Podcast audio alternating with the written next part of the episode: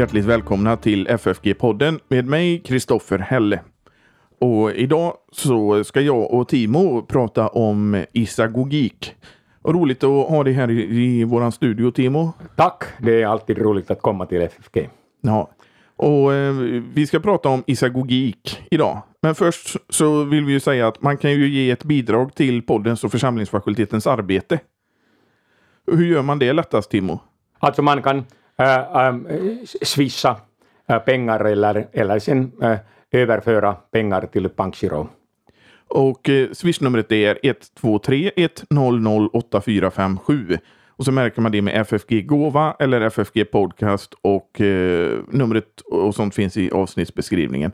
Och bankgiro och så det finns på vår hemsida ffg.se och där finns också mycket resurser och eh, annat att ta del av så besök gärna vår hemsida ffg.se. Ja, det lönar sig säkert. Ja. Hur är läget med dig Timo? Tack, det går bra. Påsken är över och, och vi är glada över att Jesus sannerligen är uppstånden och våra synder är förlåtna. Hur, eh, du, eh, hur, hur ser situationen ut i, i Finland nu med pandemi och så? Du kan röra dig fritt? Ja, det är alltså pandemi och, och det är eh, denna situation i Ukraina och, och det, det, det, det är mycket allvarliga saker och ting som, som pågår så att vi har all anledning att, att be om hjälp, att Gud skulle kunna komma och hjälpa oss och, och det gör han sen genom äh, sitt ord och, och därför ska vi göra bättring och, och, och, och bekänna våra synder och, och sen tro på evangelium och få våra synder förlåtna. Det är väsentligt alltid. Vi ska alltså prata om isagogik. Och vad är isagogik? Ähm, isagogik alltså, det betyder egentligen inledning eller introduktion till Nya testamentet. Då diskuterar vi egentligen inte, äh, inte så mycket eh, innehållet eh, i dessa nytestamentliga skrifter, utan då är det alltså närmast sådana saker och ting som, som vi måste veta för att bättre kunna förstå texten, alltså att vem som har skrivit eh, eh, brevet eller, eller evangeliet, eh, när har man skrivit texten och, och, och sen lite också det, det, det centralaste innehåll, äh, innehållet i texterna och, och, och sådana saker. Isagogik, det är alltså då eh, inom ditt område som är nytestamentlig exegetik? Jo, jo. Sen har jag också undervisat i Gamla testamentet också, så, och, och för att kunna förstå Nya testamentet så måste man förstå också Gamla testamentet så att, att äh, Nya testamentet är liksom en uppfyllelse av Gamla testamentet och förstår man inte Gamla testamentet så kan man egentligen inte förstå Nya testamentet. Så att dessa två delar av våra biblar alltså hör ihop. Och eh, en eh, del i den här, de här isagogiska frågorna det är ju till exempel vem det är som är författare till de här olika bibelböckerna. Exakt, ja. det är korrekt. Ja.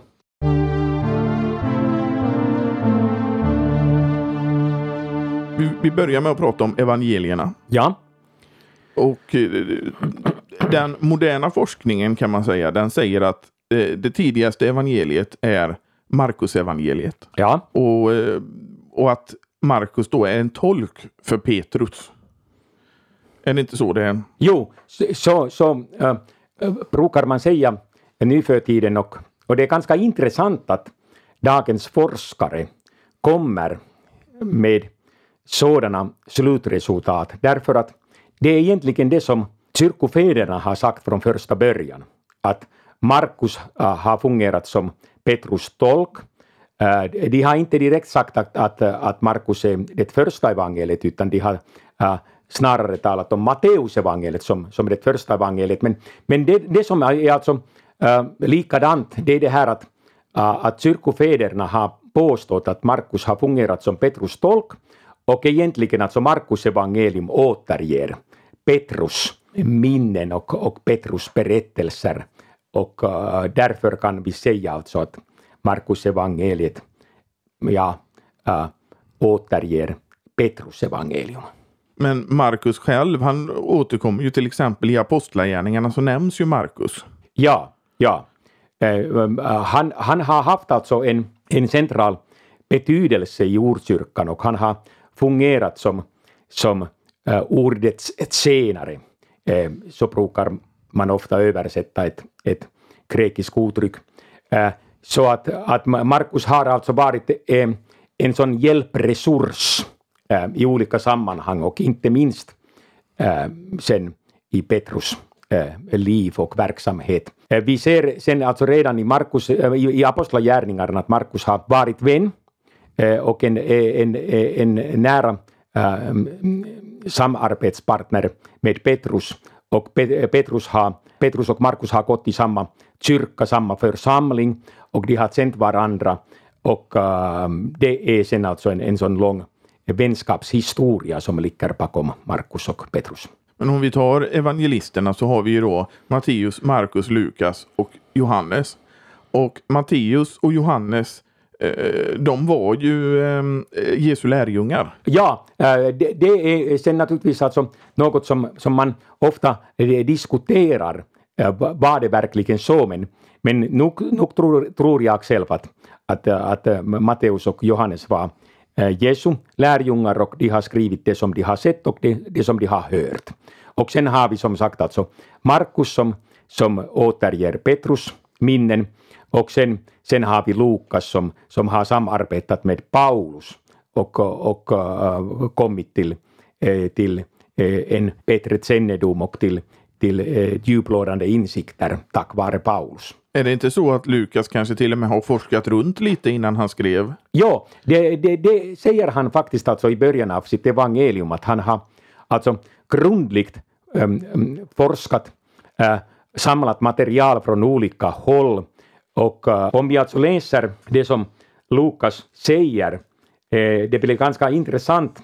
Han säger alltså att, att um, många har sammanställt en skildring av de händelser som har fått sin uppfyllelse ibland oss. Enligt vad de som redan från början var ögonvittnen och ordet senare har meddelat oss. Och sen berättar Lukas vidare att han har noga efterforskat allt från början.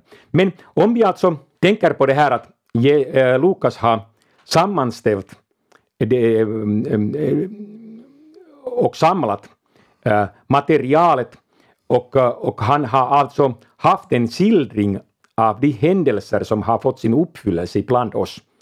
Detta uttryck, äh, händelser som har fått sin uppfyllelse bland oss, det är ett uttryck som liknar hemskt mycket det som Matteus flera gånger upprepar i sitt evangelium. Att det och det och det har hänt eh, för att det skulle bli uppfyllt, det som står skrivet.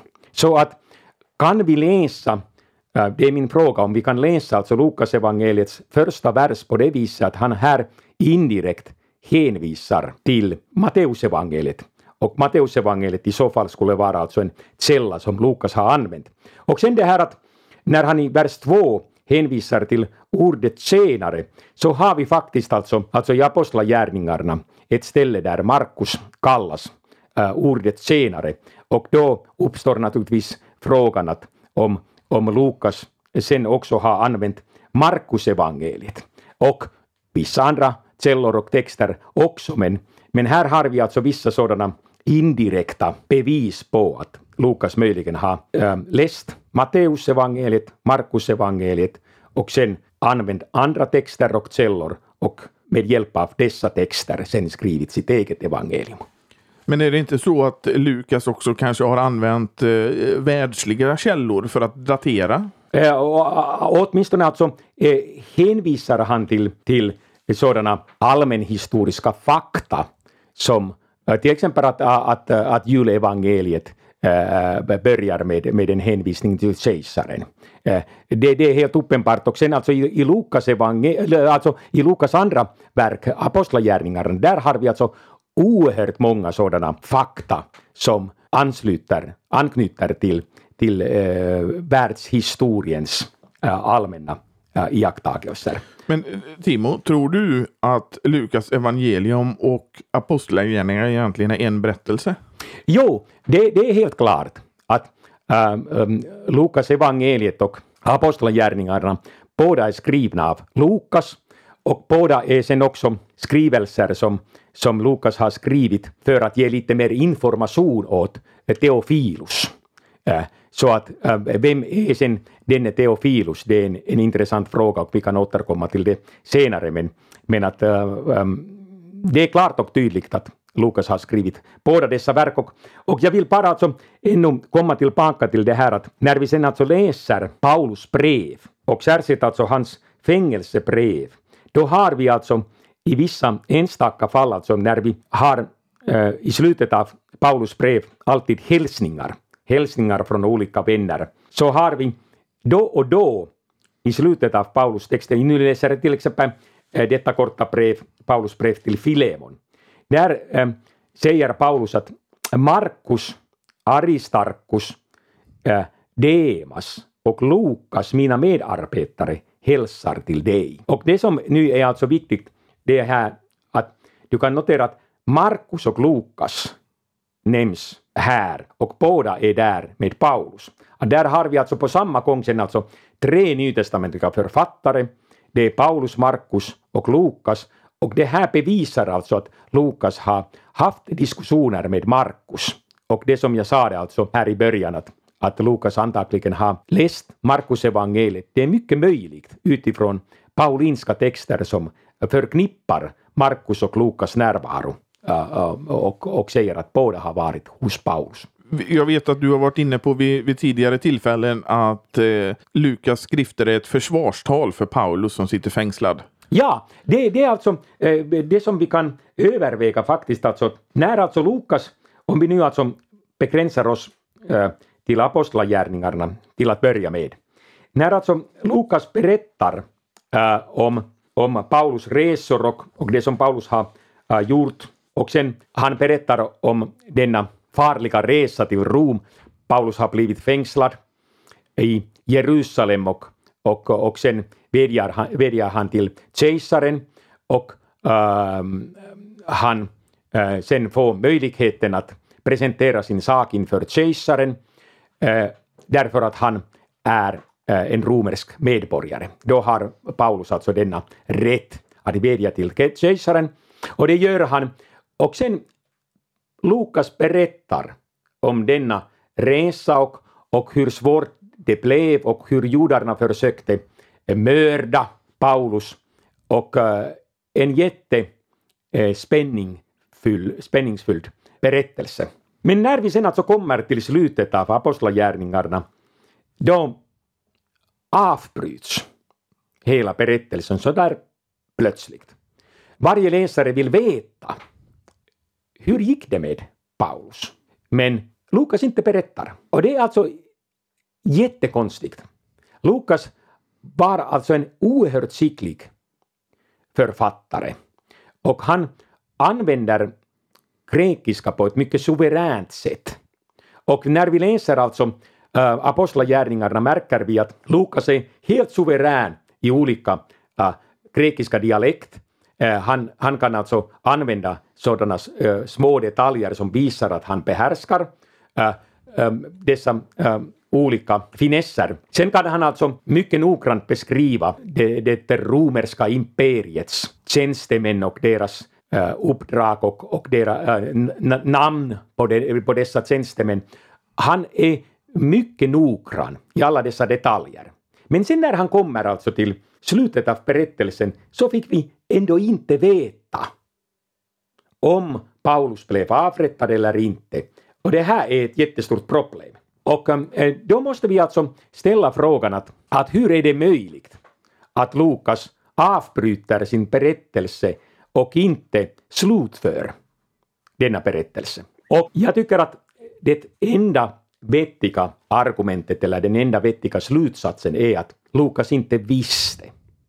Han har skrivit alltså sin berättelse så långt det går, eh, men han visste inte hur det går med Paulus och rättsprocessen mot Paulus. Därför säger han ingenting om det. Eh, men eh, alltså, och det här eh, skulle sen alltså leda till den, till den slutsatsen att kanske Teofilus, som fick ta emot både Lukas evangeliet och apostlagärningarna att han var kanske en romersk jurist, kanske en advokat, kanske en åklagare eller vem som helst, som hade alltså en avgörande roll i domsprocessen och när han sen alltså fick veta att Paulus blir anklagad för sin religiösa övertygelse, då visste han ingenting om kristendom. Och då var alltså Lukas äh, tvungen att berätta mer äh, om Jesus rörelse, om Paulus verksamhet, för att Teofilus och andra som medverkade i rättsprocessen mot honom fick all den information som de behövde. Och när sen alltså Lukas kommer till slutet av Apostlagärningarna, då måste han avbryta äh, därför att det var den där historiska tidpunkten och Lukas visste ingenting mer. Och det skulle alltså äh, leda till en sådan slutsats att Apostlagärningarna äh, var en skrift som blev färdig i början av 60-talet. Och då skulle vi dra alltså slutsatsen att Lukas evangeliet har blivit skrivet lite tidigare, äh, i början av 60-talet också. Och det är alltså en slutsats som strider mot den allmänna uppfattningen. Man vill alltså datera Lukasevangeliet efter 70 därför att man menar att Jesus inte har kunnat profetera templets fall, utan Lukas har skrivit hela äh, sitt evangelium och hela berättelsen efteråt, efter att templet har förstörts. Man menar nämligen att, att Jesus inte har kunnat profetera äh, att templet kommer att falla.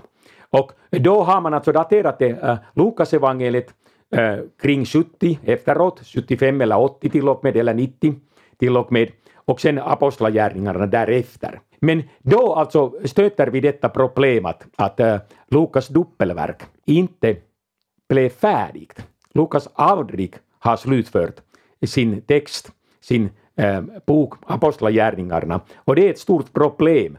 Och eh, därför eh, tycker jag själv att Apostlagärningarna klart och tydligt har blivit skriven så tidigt att boken var färdig redan på 60-talet och på samma sätt evangeliet ja, lite tidigare. Man kan ju i Apostlagärningarna se hur Paulus brev kommer till, på vilka platser han är, vilket också hjälper till att datera det, eller hur? Ja, ja. det finns alltså, alltså um, många sådana detaljer i Apostlagärningarna som um, hjälper oss att datera sen um, Paulus texter och Paulus brev. Det kanske blir lite för svårt att, att genomgå alla dessa detaljer här och nu, men men du har rätt att, att ähm, äh, apostlagärningarna är en, en sån eh, guldgruva när, när det gäller att hämta äh, information som vi behöver. Men jag tänkte, du nämnde det här om, om äh, grekiskan. Och jag tycker ju att Lukas grekiska den skiljer sig åt från de andra.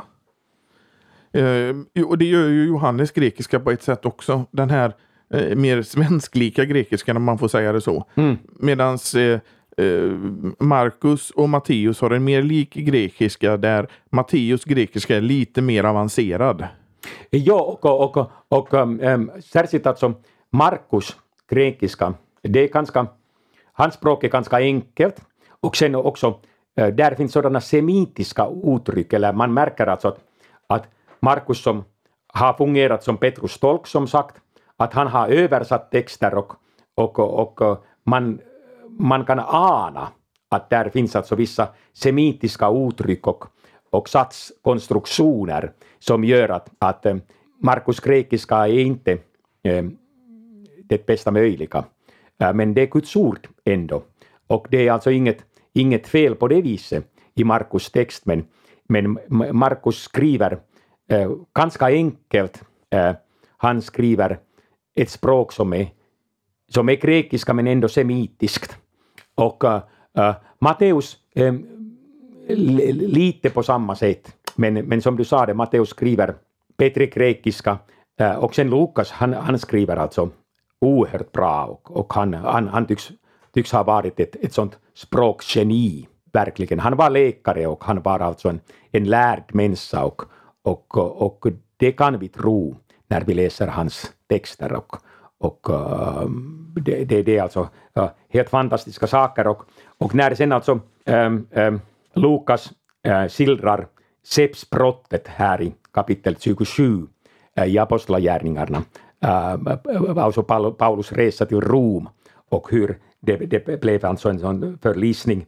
Sen, äh, det är alltså ett språk som är mycket, mycket elegant och där finns äh, sådana detaljer och, och, och sjömansspråk egentligen att, att det, det, alltså dagens äh, forskare har svårigheter att förstå äh, detta kapitel äh, i grund och botten, alltså alla dessa små detaljer. Att, att, äh, och det är inte Lukas fel, utan, utan där ser vi att han, han kan alltså använda äh, sjömannens terminologi och, och, och, och, dessa olika ord och, och uttryck och, och sen stöter vi på stora problem att, wow, vad, vad, vad menar han faktiskt? Men om vi pratar om grekiskan så kan vi ju ändå säga att jag tycker ju att eh, Paulus grekiska till exempel påminner mer om Matteus grekiska. Ja, äh, äh, Matteus och, och, och, Paulus alltså, Eh, de har båda eh, en judisk bakgrund. Och det är mycket möjligt att, att där finns alltså eh, stora likheter mellan deras språk och sen måste vi säga att Paulus språk ofta är eh, krångligare. Han har så många tankar i huvudet och han uttrycker dessa tankar någon gång man får intrycket att han, han uttrycker alla dessa tankar på en gång. Och, och, och, och, och då, då alltså måste vi verkligen eh, eh läsa Paulus texter och, och reflektera över vad det är som han eh, säger. Eh, men, men sådana utmaningar är, är jättegoda eh, och, och vi är glada över att vi har, vi har alltså olika slags böcker i Nya Testamentet. Det, det är aldrig tråkigt att läsa Nya Testamentet, utan, utan Nya Testamentet alltså äh, väcker ett jättestort intresse och utmanar varje läsare. Det är en fantastisk bok. Men om, om vi går till Johannes äh, nu, så, så tycker jag att hans grekiska är på ett sätt väldigt lätt att lära sig i början. Ja. Äh, men, men sen är det nästan lättare att gå över till någon av de andra. Och, Eh, men eh, det som jag märkte tydligt eh, Eh, när jag läste grekiska och började att jag ser väldiga likheter i grekiskan mellan Johannes evangelium och Johannes brev. Ja, det, det är sant. Alltså, dessa texter härstammar från samma person. Eller är det möjligt att det, det, det, det har funnits alltså en lärjungakrets kring Johannes som har hjälpt honom att, att skriva uh, så, så men, men alltså den som har finslipat Johannes evangeliet och Johannes brevet, att eh, om det är Johannes själv eller Johannes sekreterare eller, eller några andra som har hjälpt honom, eh, det är åtminstone alltså eh, ett mm, enkelt språk, mycket elegant också, det är lätt att förstå, men sen språket har också en sån djuphet att även om det är lätt att förstå så har man ett mm, sånt intryck i sitt innersta att ja, jag har kanske inte ens fattat hälften av det som Johannes skriver. Men hans språk är enkelt. Och sen alltså, sen alltså har vi också sen alltså det här att, att hur är det då med Johannes uppenbarelse, uppenbarelseboken. Och, och dess språk är annorlunda. Och, och det här är inte alltså ett slutresultat av modern forskning, utan redan kyrkofäderna har märkt att att Uppenbarelsebokens språk är annorlunda. Den, den, eh, det har likheter med Johannes evangeliet och, och Johannes brev, men, men, men språket är ändå annorlunda. Och det, där finns sen, alltså det, språket inte är, är så elegant och där finns sådana uttryck som bryter mot um, den grekiska grammatikens regler till och med. Och um, då uppstår alltså frågan att är det Johannes, apostel Johannes som har skrivit det här eller någon annan Johannes eller vem eh, som har skrivit Johannes evangeliet och Johannes brevet är det någon annan än apostel Johannes? Svåra frågor, men det är också möjligt att alla dessa johanneiska brev, äh, texter, brev, evangeliet och uppenbarelse till och med, att de alla härstammar från en och samma person, nämligen apostel Johannes. Men när apostel Johannes har skrivit Johannes evangeliet, när han har skrivit Johannes brev, då har han haft kanske en sekreterare eller en lärjungakrets som har hjälpt honom. Men han har sen skrivit alltså Uppenbarelseboken eh, på Patmos ö. Och då, då alltså blev han förföljd Han blev inte avrättad, inte mördad, men han blev förföljd och han var tvungen att flytta till en, eh, en, en öde ö. Och då var han ensam. Och då, då är det alltså möjligt att när han sen hade sina uppenbarelser och visioner, att han har sen alltså skrivit ner det som han såg, men där ser vi sen alltså aposteln Johannes, låt oss säga eget språk, utan att någon har finslipat texten. Och äh, då skulle vi alltså kunna komma till, till den slutsatsen att alla äh, johanneinska texter är skrivna av aposteln Johannes. Och, och äh, dessa skillnader skulle vi kunna förklara på det här viset. Men eh, det är också så att det är uppenbart att Uppenbarelseboken är skriven långt efter. Ja, ja. Och man utvecklar väl sig språkligt hela livet på något vis. Det, det är också, också möjligt, men, men alltså att om man tidigare har varit så skicklig eh, i språket och sen blir man mindre skicklig att, att, eh, och, och sen får man alltså inte intrycket att, att det, det är mens eller något, någon annan sjukdom som, som har drabbat Johannes. Nej, utan han var mycket skarp äh, äh, hela tiden. Men om hans språk sen blir sämre så skulle jag alltså komma tillbaka till denna teori att, att det är kanske därför att, att han nu skriver ensam helt. Vi, vi, ska ju no, vara noga med att påpeka Timo att det här är teorier vi pratar om. Det är ingenting som är fastslaget. Nej, nej, det, det är så. Och, och, och alla dessa isakogiska frågor alltså, eh, de, de, de, alltså inte, inte direkt anknyter till denna viktiga fråga äh, om, om, om Guds ord. Alltså, vi kan alltså säga att vem som helst har sen skrivit Uppenbarelseboken så tror vi ändå att det är Guds ord. Och, och det är sant och det är viktigt att läsa och Uppenbarelseboken själv säger att salig är den som läser eller hör på dessa ord. Så att, att det, det är verkligen viktigt att det är fråga om Guds ord. Uh, sen kan vi naturligtvis dryfta alla dessa frågeställningar och, och, och ställa frågor angående sådana frågor, vem som har skrivit och när och var och så. Eh, uh, de, de, de, de, har alltså ingen direkt anknytning till själva kärnan, till, till själva saken. Uh, är det Guds ord eller inte? Det, det är viktigt att notera. Sen skulle jag ändå alltså tillägga det här att, att när vi sen alltså, uh, alltså diskuterar frågeställningen att, att vilka skrifter som ingår i Bibelns kanon och i Nya testamentets kanon, så måste vi återkalla i minnet att, att det var mycket viktigt från första början att vi har alltså ett apostoliskt ursprung av varje text som äh, äh, räknas som kanoniska. Och äh, äh om vi alltså tänker på evangelierna så kan vi säga att Matteus och Johannes de själva var apostlar. Men däremot Markus och Lukas var inga apostlar i ordets eh, snävaste eller egentligaste betydelse. Och då uppstår naturligtvis frågan att det som de skriver, är det, har ha, har det ett apostoliskt ursprung? Och som sagt alltså, Markus evangelium har kyrkofäderna accepterat därför att Markus apostolicitet, han, inge, han var ingen apostel själv, men han, hans apostolicitet hänger ihop med att han har fungerat som Petrus tolk.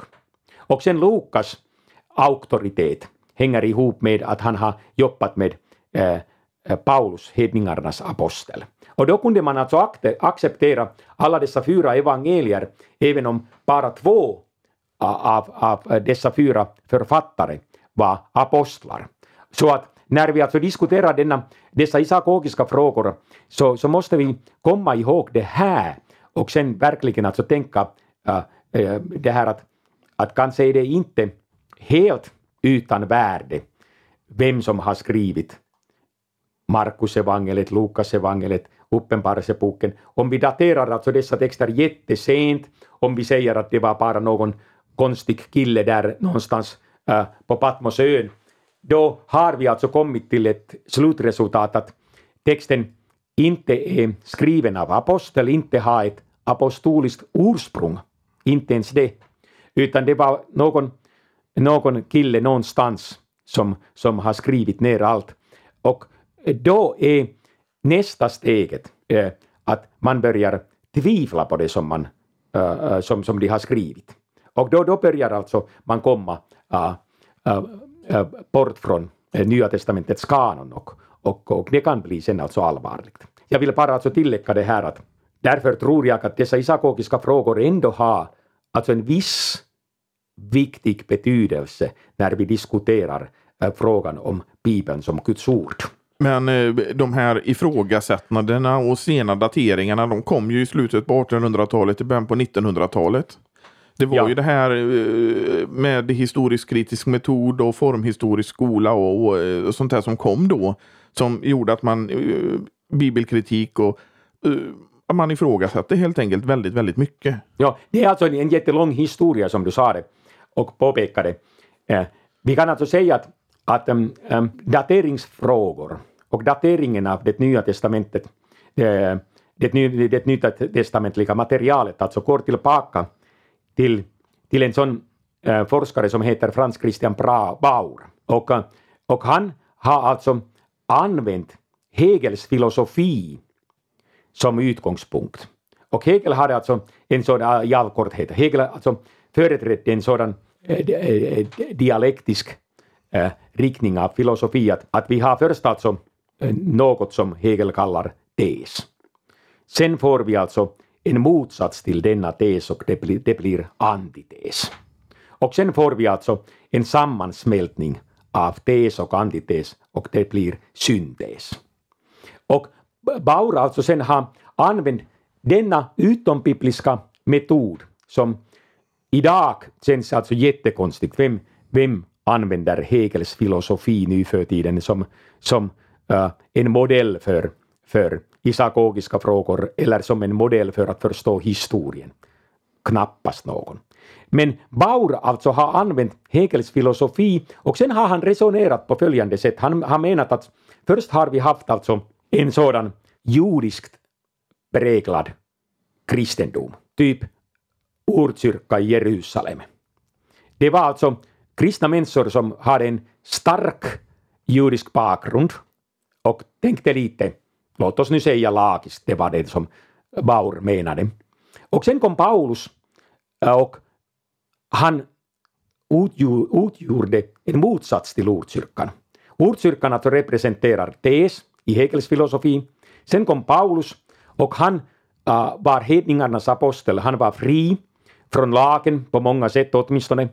Och han äh, utgjorde antites. Och sen kommer alltså Ähm, Baur talar om frykatolicismus, alltså den tidiga äh, katolicismen. Och äh, det är alltså en syntes av, av tes och antites. Syntes av, av ordkyrkan i Jerusalem och Paulus teologi. Och då har alltså Baur börjat alltså placera dessa nytestamentliga texter och, och böcker i denna tidslinje.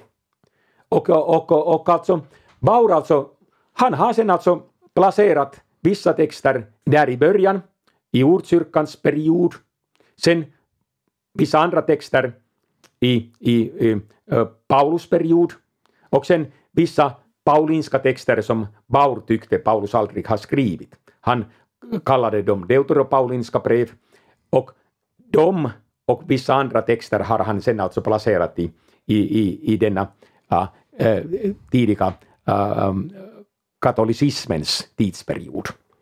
Och det här var alltså nu alltså utifrån dagens vetenskapliga principer alltså helt godtyckligt.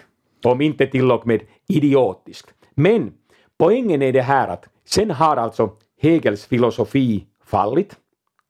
Baurs teori har fallit. Det finns ingen vetenskapsman äh, som tänker på samma sätt.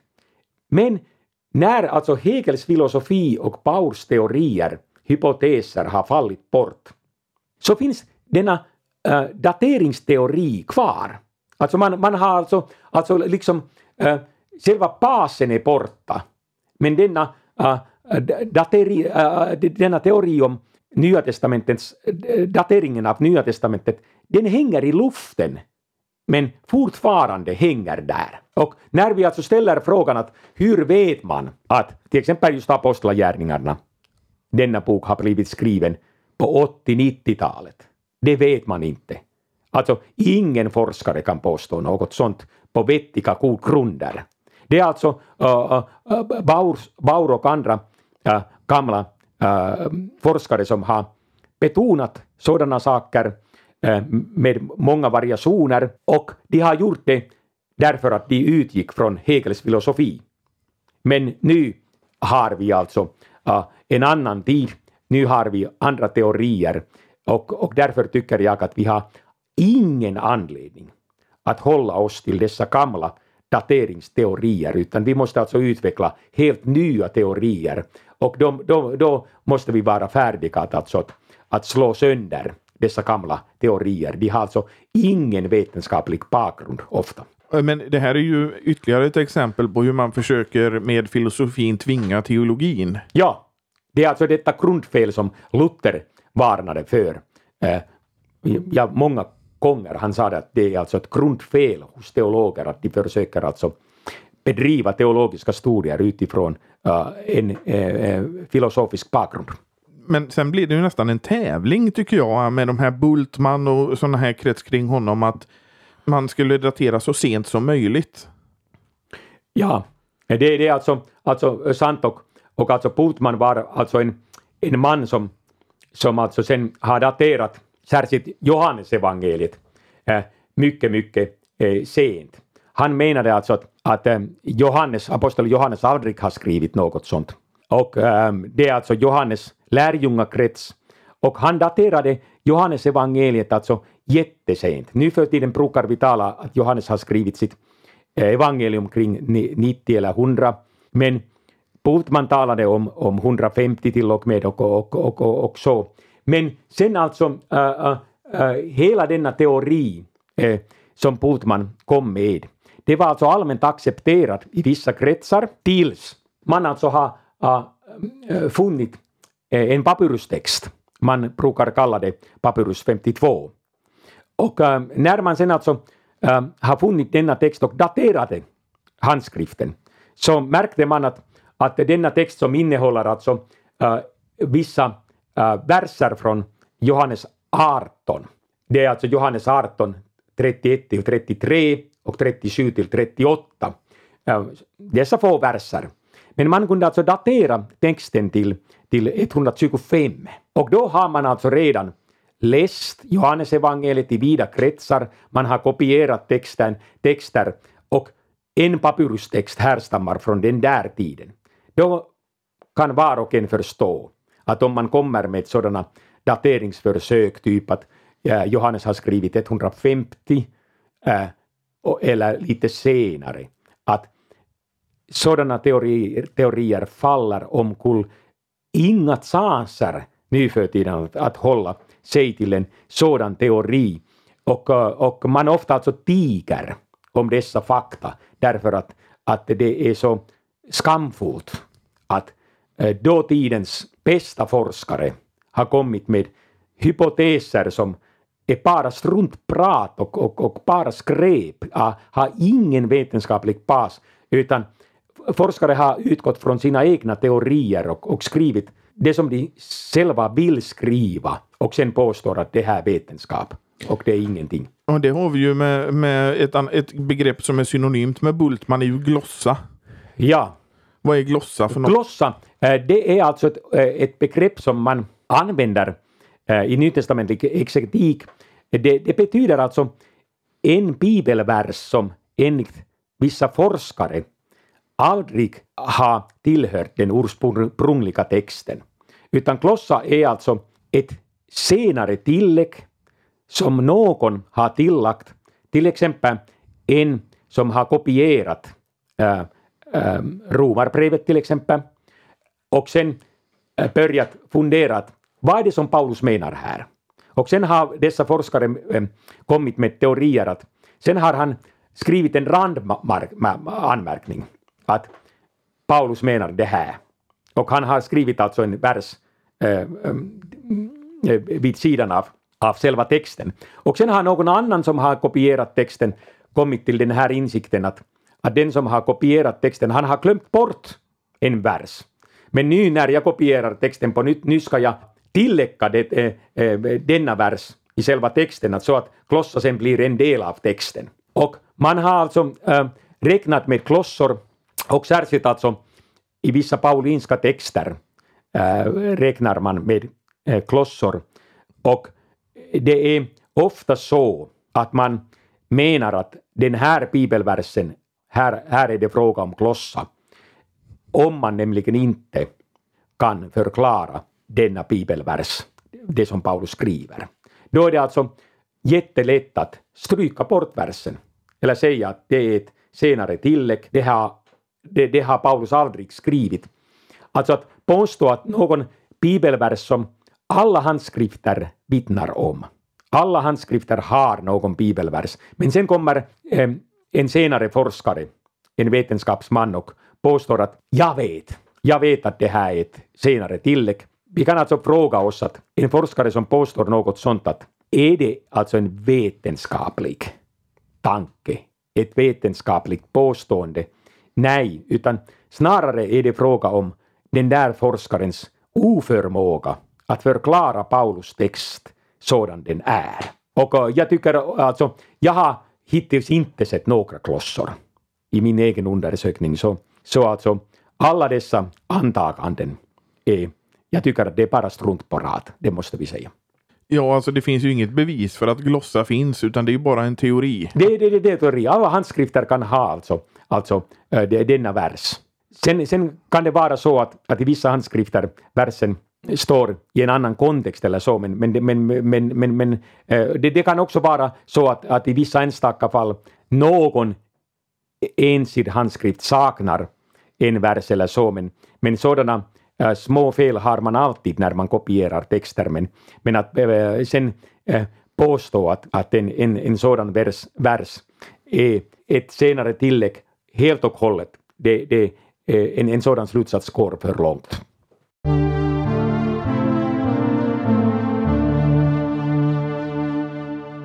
Om vi, vi går över till breven.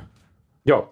Eh, och eh, tittar på Filipperbrevet så finns det ju en eh, isagogisk fråga där. Som, som är, är, så tydlig och det är ju det här att är det tre brev som är sammansatta till ett? Eller är det ett brev? Ja, äh, Filipperbrevet är alltså ett äkta paulinskt brev. Alla forskare så där är alltså eniga om att, att Paulus har skrivit det som vi har i Filipperbrevet. Men som du sa det, sen uppstår frågan om, om Filipperbrevet i dess nuvarande form är ett enda brev eller finns det möjligtvis flera mindre brev äh, skrivna av Paulus eller äh, sådana brevstycke som man sen har sammanfogat senare och sen påstår att det här är Paulus brev till Filipperna. Äh, och det är alltså faktiskt så att när det gäller Filipperbrevet så har man ganska ofta kommit med teorier att hela brevet består av olika mindre brev. Och ofta säger man att, att det är alltså tre eh, skilda brev som har sammanfogats. Någon annan forskare kan komma och, uh, med en teori att, att det, det, måste ha funnits fyra, fem uh, mindre brev som har sammanfogats, eller åtminstone ett par brev. Och det, allt det här är alltså bara eh, hypoteser, inget mer. Men att, att eh, man kan ändå sen försöka förstå varför resonerar man på det viset? Och, eh, och då kommer vi egentligen till, till äh, äh, äh, Filipperbrevets tredje kapitel. Där nämligen får vi en sån jättesnabb och konstig, eh, låt oss säga tonförändring. Alltså, om vi läser eh, vers 1 i kapitel 3, vers 1a, alltså den första satsen, så skriver Paulus för övrigt mina bröder, kläd er i Herren. Och direkt därefter, sen förändrar sig stilen och Paulus börjar alltså skriva mycket hårda ord. Han har alltså först sagt att gläd dig i Herren. Sen fortsätter han, för mig är det inte besvärligt att skriva samma sak till er och för er är det säkrast så. Se upp för hundarna. Se upp för de onda arbetarna. Se upp för de sönderskorna. Och man har alltså kommit med denna hypotes att, att äh, tonförändringen här är så stark, djärv, äh, plötslig att det kan inte vara Paulus som har skrivit äh, det här äh, i samma äh, tidpunkt. Och äh, det är liksom bakgrunden att man räknar med olika, äh, olika brev som senare har sammanfogats. Det, det finns ju sådana här teorier om olika brev. Ja, om vi tar till exempel Efesierbrevet. Jo. Så, så, så ifrågasätts det lite, men jag vet ju att det finns en teori om att det är ett rundbrev, alltså att det är ett brev som kopieras och skickas till flera församlingar. Ja, ja om vi alltså nu ännu, ännu äh, stannar en längre tid här i Filipperbrevet, så kan vi alltså äh, analysera Filipperbrevets disposition och eh, Filipperbrevets struktur. Och då är det alltså viktigt att, att vi alltså märker att, att, att Paulus själv kommer med en disposition i Filipperbrevet. Och han, han alltså menar här att det som han skriver, det ska sen alltså, alltså sammanfatta brevets innehåll. Och Paulus alltså presenterar här i slutet av kapitel 1, han presenterar sin strategi. Och eh, om vi läser alltså nu det som vi har här i kapitel. Paulus alltså alltid eh, presenterar sig själv. Sen äh, han lovprisar Gud i början, utom i Galaterbrevet, där Paulus äh, utgår ifrån att situationen är så pass allvarlig i Galatien att, äh, att han inte har någonting att äh, ähm, lovprisa i församlingen.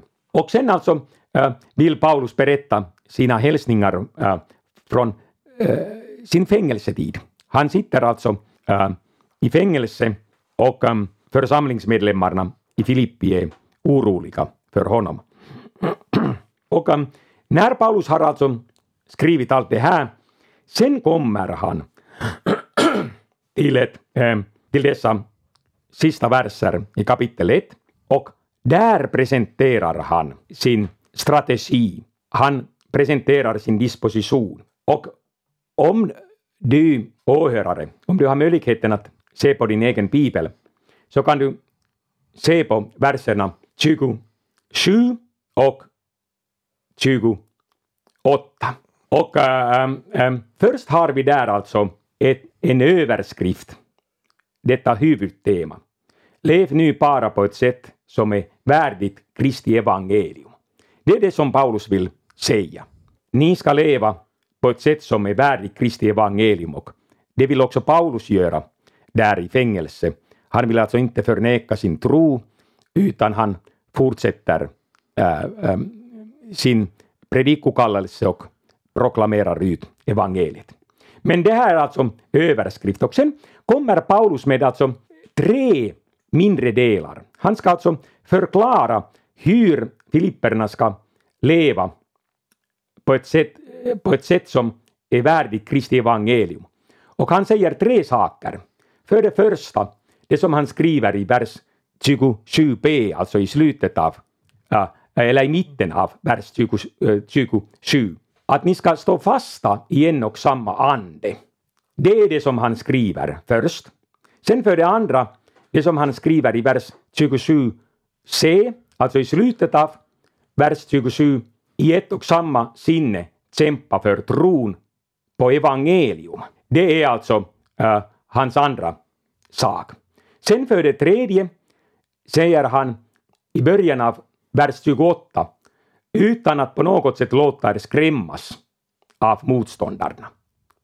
Här har vi alltså tre sådana delpunkter som förklarar hur kommer vi att leva på ett sätt som är värdigt Kristi evangelium. Jag upprepar. vi ska alltså stå fasta i en och samma ande, ande och sen ska vi i ett och samma sinne kämpa för tron på evangelium och till sist utan att på något sätt låta er skrämmas av motståndarna. Och sen när vi alltså ser på äh, äh, det, det, här äh, brevet närmare så märker vi att Paulus behandlar dessa tre delar i tur och ordning. Han alltså behandlar brevets första del, att stå fasta i en och samma ande, i kapitel 2, där han talar hur vi eh, sen alltså har eh, Kristi sinne och, och, och det är alltså att kämpa i en och samma ande och stå fasta i, i, i det sinne som, som Kristus har. Och sen för det andra ehm, så vill han alltså uppmana att vi ska kämpa tillsammans. Tillsammans med apostel och tillsammans med alla andra ordet senare. Att kämpa för tron på evangelium i ett och samma sinne. Och det gör han sen alltså i kapitel 2, verserna 12 framåt.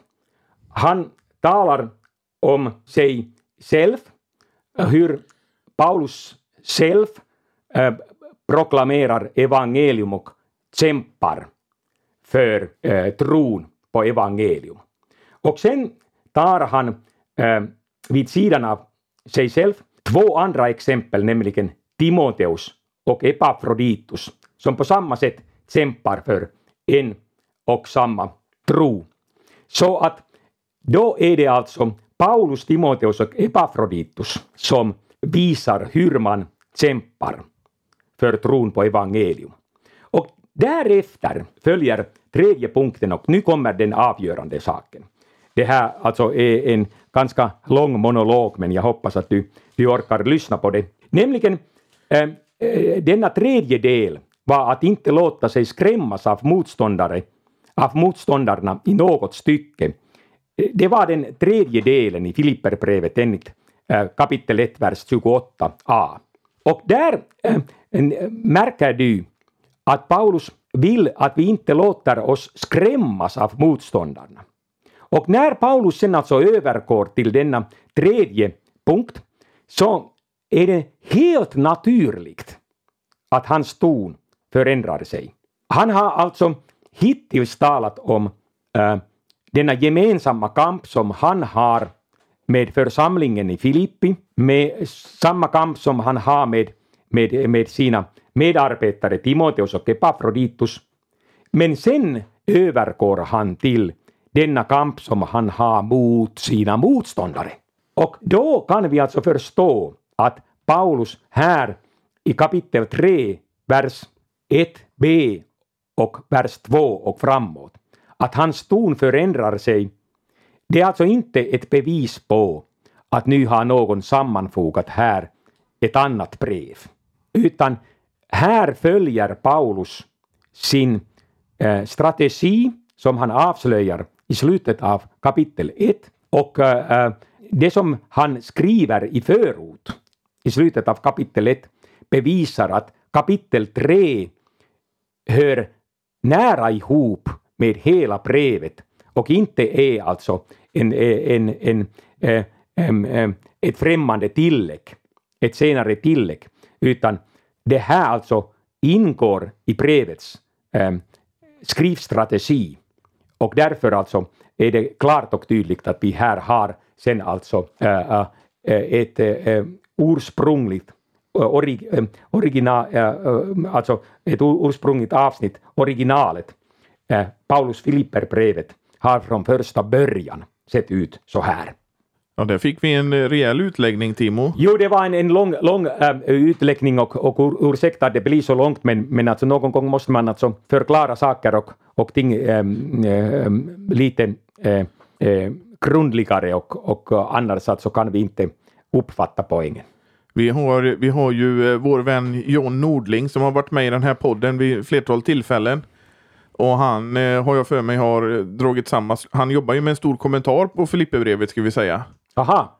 Ja. Och eh, han har ju dragit samma slutsatser som du här drar fram. Okej. mig. Ja. Jo, roligt att höra.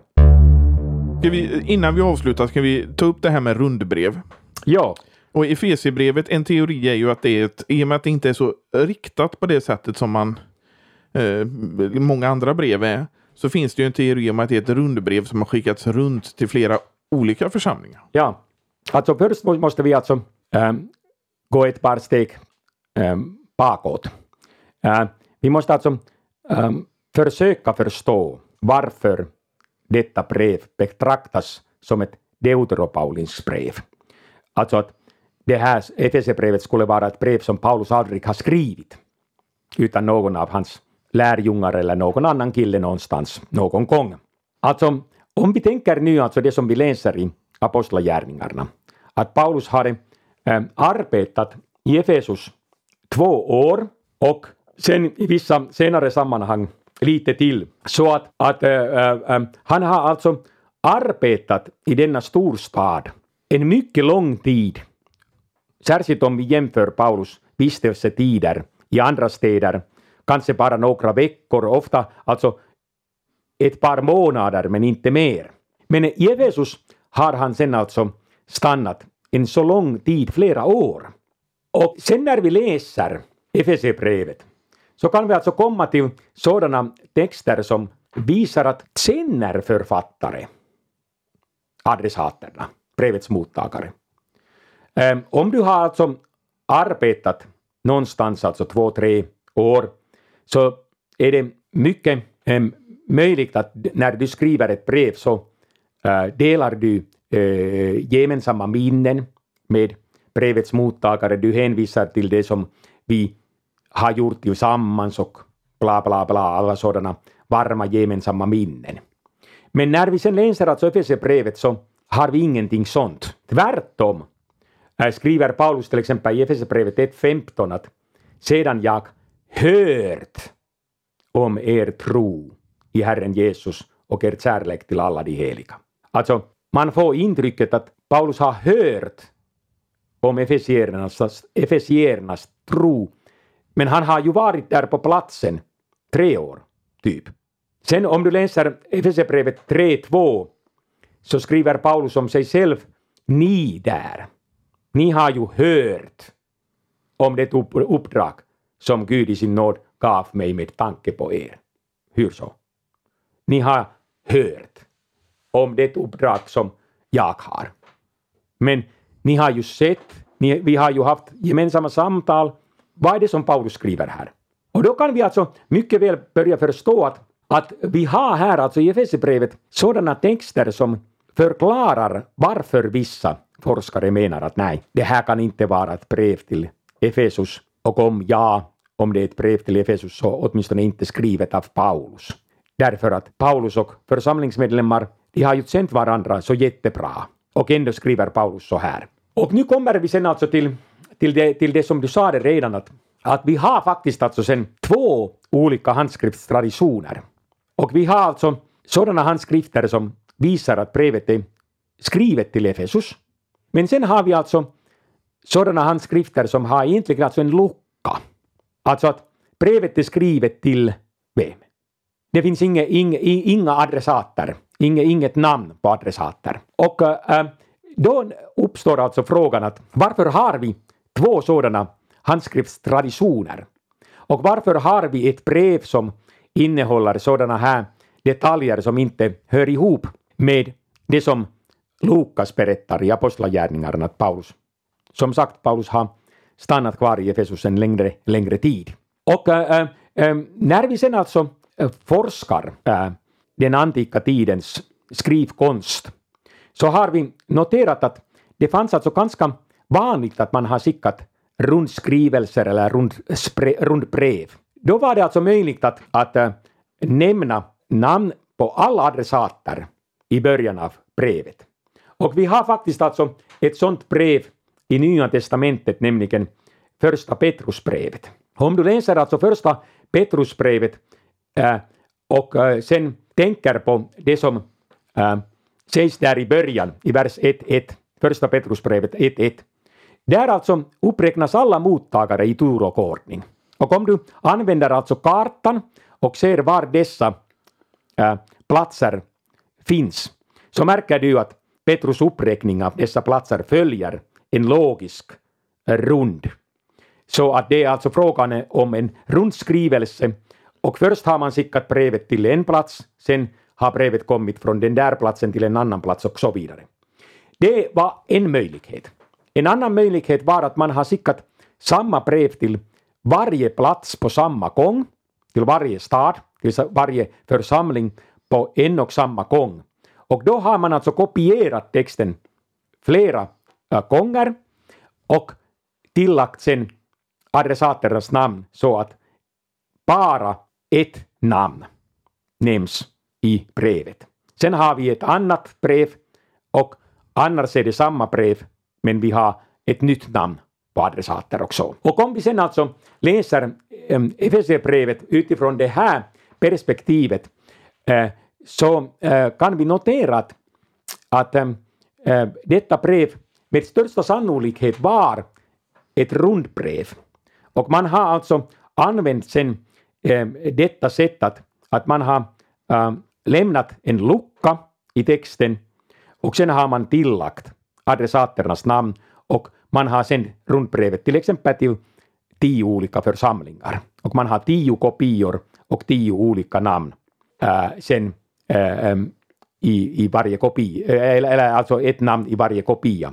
Tio olika kopior, tio, samma kopior, alltså tio stycken och sen alltså uh, tio olika namn. Och uh, um, då börjar vi alltså förstå att uh, om Paulus har skrivit alltså ett sånt rundbrev, då blir det möjligt att, att, att han inte kan börja tala om hur han har druckit äh, kaffe, te eller vin med, med församlingsmedlemmarna i Efesus, utan äh, han måste alltså tala i allmänna ordalag om sin äh, kallelse, om adressaternas äh, situation och så vidare. Och vi har alltså här sen, sen alltså äh, ett bevis på ett rundbrev och att Paulus sen alltså har själv använt rundbrev i olika sammanhang, det kan vi sen också alltså se eh, i slutet av Kolosserbrevet, där författaren skriver, eh, Paulus skriver alltså så här att när mitt brev har blivit uppläst hos er, se då till att det också blir uppläst i församlingen i Laodicea och att ni får läsa brevet som kommer från dem. Det här är alltså skrivet i Kolosserbrevet 4.16. Så att där ser vi att Paulus verkligen har använt rundbrev. Och det är eh, också alltså, det finns alltså en sån teori att eh, detta brev som kommer från Laodicea skulle vara samma brev som Efesierbrevet. Det är osäkert, men vi har alltså en sådan teori. Men i varje fall kan vi dra slutsatsen att Paulus har använt rundbrev ofta och därför kan vi anta att Efesierbrevet också är ett rundbrev. Också nu alltså åter alltså en ganska lång monolog, men, men det finns alltså omöjligt att, att äh, äh, säga allt äh, jättekort, därför att vi måste alltså bli vana vid, vid, vid dåtidens, antika tidens äh, brevsituation och, och, och, och hurdana brev äh, man har skrivit då. Är det inte risk, Timo, med de här isagogiska frågorna att det till stor del blir en akademisk exercis? Ja, ähm, som sagt alltså, dessa isagogiska frågor alltså äh, i och för sig själva, de är inte alltså äh, några sådana frågor som, som direkt anknyter till, till äh, Guds ords innehåll och budskap.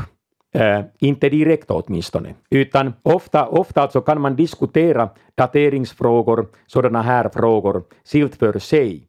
Men sen alltså också dessa isagogiska frågor påverkar vår läsning av texten och om vi alltså utgår ifrån att Paulus aldrig har skrivit Efesierbrevet, då har vi egentligen alltså då, då kommer vi att tolka texten, Efesierbrevet, på ett helt annorlunda sätt än äh, i, en, i, i en sådan situation där vi utgår ifrån att Paulus har skrivit texten. Så att, att äh, vi kan säga att isakogiska text, äh, eh, isakogiska frågor inte har någon direkt sammankoppling med innehållet i Guds ord. Men isagogiska frågor påverkar hur du tolkar Guds ord i varje enskilt fall. Eh, tycker du att lekmän och så ska gräva ner sig i isagogiska frågor? Inte nödvändigtvis, men alltså jag tror att dessa frågor som du har nu ställt här, det är alltså sådana frågor som många lekmän är medvetna om. Och om lekmän reflekterar över dessa frågor och, och sen får ingen vägledning, då kan alltså lekmän komma till sådana slutsatser att nej, men, men Bibeln är bara alltså en sådan bok att äh, det är inte så viktigt att läsa boken och, och boken har fel och, och, och det, det är kanske, kanske en förfalskning till och med.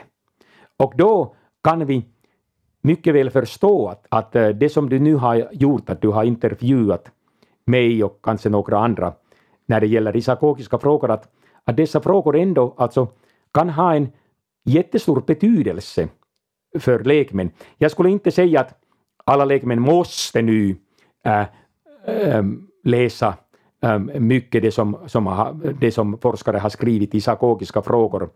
Det är inte min mening, men, men jag tror att, att sådana här intervjuer har sin plats äh, i helheten och att det är absolut äh, äh, viktigt att, att äh, äh, tänka på dessa frågeställningar också. Men är det, är det inte risken att äh, med, med det här ähm, att man börjar välja och vraka vad i Bibeln man ska läsa och vad man ska tro på och vad man inte, att, att, att det blir en ähm, Ehm, eh, eh, väljar, valsituation helt enkelt? Ehm, det är alltså ofta sådana frågor som vi ställs inför. Och, och det är alltså, när man alltså ifrågasätter Bibelns auktoritet, då är det ytterst sällan vi som väljer ämnet eller tematiken. Utan man slänger mot Bibeln alla möjliga tankar, teorier, hypoteser. Och då måste vi alltså ta allt det här för givet. Och vi måste sen alltså besvara de frågor som vi får. Vi måste sen alltså behandla de svårigheter som folket eh, jobbar med. Och, och, och, och ytterst sällan är det vi som väljer vilka frågor vi besvarar. Och också här alltså, alltså du har ställt alltså jätterelevanta frågor och sådana frågor som äh, härstammar från folkets inre funderingar. Och, och äh, då fick jag dessa frågor. Vi har alltså inte övat denna intervju äh, äh, tidigare eller så, utan, utan alla dessa frågor kom direkt så där och, och, och, och då får jag alltså besvara de frågor så bra som jag kan.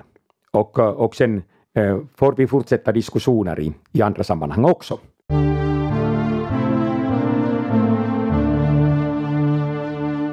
Det, det, finns säkert anledning att återkomma till detta, Timo. Ja, men det kan vi och, och ni är alla hjärtligt välkomna till eh, FFG och, och delta i undervisningen. Eh, det finns mycket mer att säga. Eh, sen, sen alltså eh, inte allt det som vi säger angår isagogiska frågor utan, utan eh, den, den, den absolut största delen av vår undervisning alltså angår innehållet i, i, i, i Guds ord, Bibeln. Men att det här är sådana små smakprov på Precis. det som vi äh, bedriver här på FFG. Precis. Och eh, vi påminner än en gång Timo att vi tar ju tacksamt emot bidrag för eh, poddens och församlingsfakultetens arbete. Ja, exakt. Och man kan göra det på Swish. Numret är 123 100 8457. Så märker man det med FFG Gåva eller FFG Podcast. Numret finns också i avsnittsbeskrivningen. Och eh, Timo, man kan också besöka vår hemsida. Ja, visst, jo. Vad är adressen dit? Det är alltså, uh, du kan googla församlingsfakulteten i Göteborg och du kommer direkt. Det är alltså ff, ffg.se. Ja. Och där finns ju resurssidor och det finns eh, även den här podden och predikoverkstan och allting. Jo, allt ja, möjligt. Ja. Allt möjligt. Det finns mycket. Ja. Så besök det. Och vi hörs igen nästa vecka. Jo, tack.